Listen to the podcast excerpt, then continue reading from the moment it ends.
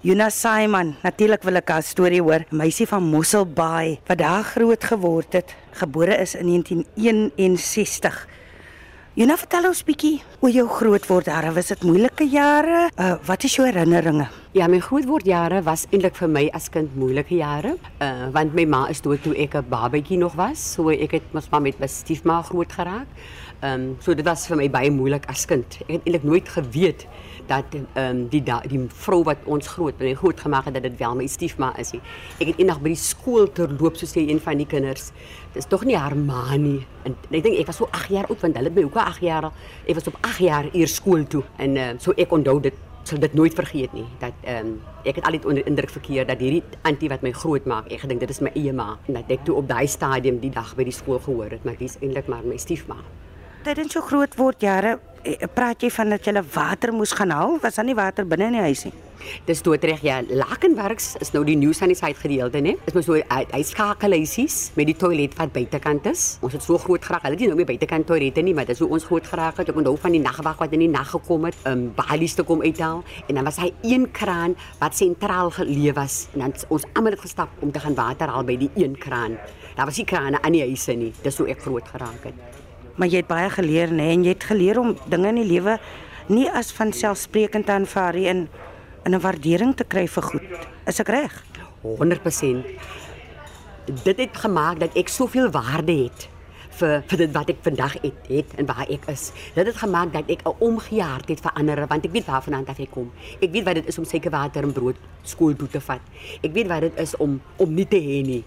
En nou van ek in 'n posisie is om te kan hê, weet ek om uit te deel aan ander want ek weet hoe moeilik dit is wanneer jy nie het nie wanneer jy iemand anders se oë moet kyk vir iets. In die ou dae onthou ek van hoe mense vir mekaar omgegee het. Um almal se alles was ander mense se nog. Daar was nie 'n kwessie van dis dis myne nie.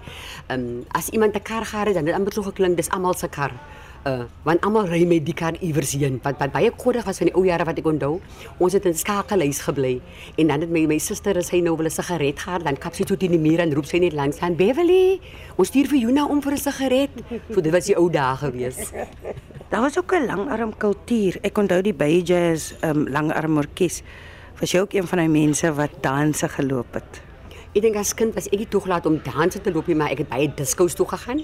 En ek onthou as kind van die ehm um, die gala. Ek onthou van hoe my suster hulle dan slaap hulle van 6 tot 6 en 7 uur en begin hulle al vroeg aan te slaap, want die gala begin 12 uur die nag. En dan het hulle gestap.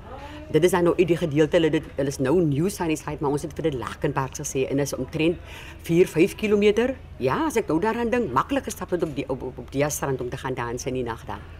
Jy het gesê jou droom was eintlik om onderwys te studeer, maar daar was ander dinge wat oor jou pad gekom het.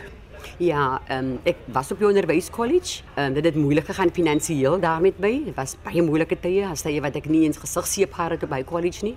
Dan moes ek by mense geleen het en uh, my broer wat vir my daai tyd as uh, borg het staan het om om te gaan studeer.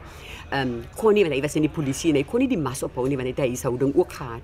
En uh, hy toe vir my die dag by die college, ek dink dit was daai July maand in die 3 weke skoolvakansie, het hy eendag by my aangekom en vir my kom vra wil ek maar nie liewers polisie toe gaan nie. Hulle gaan nou ehm um, breinvrouens ook in die polisie inneem. Um, ek wou nie want ek was 'n baie wille meisie, ek het klip gegooi, verskriklik klip gegooi. En ek was bang die polisie gaan my onthou. Maar net die blote feit hoe hy vir my sê maar ek gaan 'n salaris elke maand ontvang terwyl ek in opleiding is, het my moed gegee om polisie kollege toe te gaan. Jy het ook daar geskiedenis gemaak, né? Nee? Dis doodreg. Ek was een van die eerste 18 breinvrouens wat 1981 in die polisie opgeneem is. Ek was 'n bietjie baie benou die dag met ons 'n uh, inneming wat of wat uh, uh, ons onderhoude gehad. Nou sit ek daar en hoekom ek van Bellville College af en die jaar voor dit kom ek van Mosselbaai van ons kan mos nie Engels praat nie. Dis mos nog maar 'n wrede wrede taal.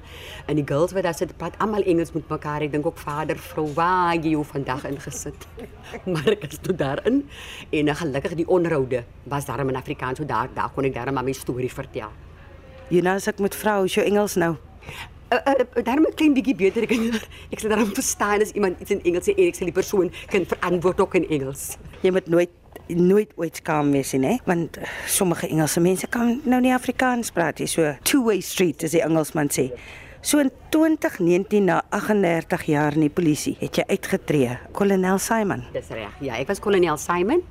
In die polisie. Ek het afgetree met met daardie rang. Dit was goeie 38 jaar. Um, ek kon my uitleef. Ek was so vir vir 4 jaar was ek die stasiekommissaris op Garabou en toe het ek teruggegaan Mosselbaai toe, na my my plek toe waar ek gebore is, maar hulle sê mos 'n as jy 'n profeet word nie sy eie land geken nie. Maar um, ek dink dan baie keer van jouself af jou jou, jou dit waarin jy glo en as jy in jouself glo, dan kan jy gaan net waar jy wil gaan. Dan is jy sterk genoeg en jy sal aan die kant uitkom. So gepraat van sterk genoeg. En toe word jy 'n wedloopmeisie. Baie fiks. Vertel. Ja, ja, nee, ek ek was eintlik nie van nature 'n wedloopmeisie nie. Ehm um, nie eens op skool fiks nie. Maar toe ek ek dink met die kinders het net so van ons hande afgegaan. Hande afgaan bedoel ek, hulle was toe nou nie meer as kleintjies wat jy nou agter hulle moet intens kyk nie. Toe ek met my man begin het, eers 10 km doen. Later het ons net so 'n 10 kan doen binne 'n uur en kan ons seker maar 'n halfmaraton doen binne 2 uur en so het dit gegroei na 'n volle maraton toe en toe begin die oceans ons te byt want jy moet eintlik 'n oceans doen om 'n comrades te doen vir hy kilometers op jou bene. So ek het 17 comrades gedoen vir 'n meisie wat nooit gehardloop het nie, wat nie in sport Die was op skool nie en my beste tyd op die comrades was 9 uur 2 minute en ek het net bronsmedaljes en ek het elke komrad wat ek aangepak het, het ek voltooi met die Here se krag. Maar draf jy nou nog steeds om kop skoon te kry? Jy weet, en fiks te bly. Ek dink ek dink jy ehm um, kan begin hardloop en jy sê die regte goed kop skoon te kry. Dis eintlik hoekom ek hardloop om kop skoon te kry. Mm. En ek kry baie ehm um, uh uh my my my idees en, en gedagtes agter mekaar wanneer ek op die pad is. En ek dink ek is bevoorreg omdat my man saam met my hardloop. Dit maak dit al net maklik as jy daai maat het, die een wat jou sê gaan nog 'n bietjie aan en so aan. Maar dit wat jy sê kop skoon te kry. Ek dink ons het almal soms nodig om kop skoon te maak. Mm. En soms wil jy kop skoon maak saam met 'n maat, saam met iemand en dan is hy kop skoon maak, dan praat hy persoon miskien so baie so jy kry nie regtig goed in jou kop uit nie. So wanneer jy alleen op die pad is gaan hardloop, lekker sterk hardloop, dan maak jy kop skoon. Wat sê jou boodskap wees aan vroue wat nou luister? Of enigiemand wat luister wat nou wil begin om te hardloop? Jy het mos ook laat in jou lewe begin, nie te vroeg nie. Ja, ek sal sê ek dink ek dink wat mense soms die fout maak omdat alles in ons lewe kits begin raak het. Dink ons is net van uitgaan en dan dan mense hulle soms net seer. Begin eers te stap. Rustig te stap. En dan as jy nog gestap het dan die die die die hongerte sal self kom. Ehm um, okay, ek gaan dit by hy paal gou draf. En dan stap ek weer bietjie. Moenie jouself te veel pressurize nie. Ek dink dis wat ons ook so 'n bietjie fout maak. Nou raak jy moeg. Sommige wil ons dinge doen omdat ander dit doen. Nee, ek wil nie stap nie want almal hardloop dan. Stap eers totdat jy totdat jou liggaam vir jou sê jy's nou gereed om te hardloop.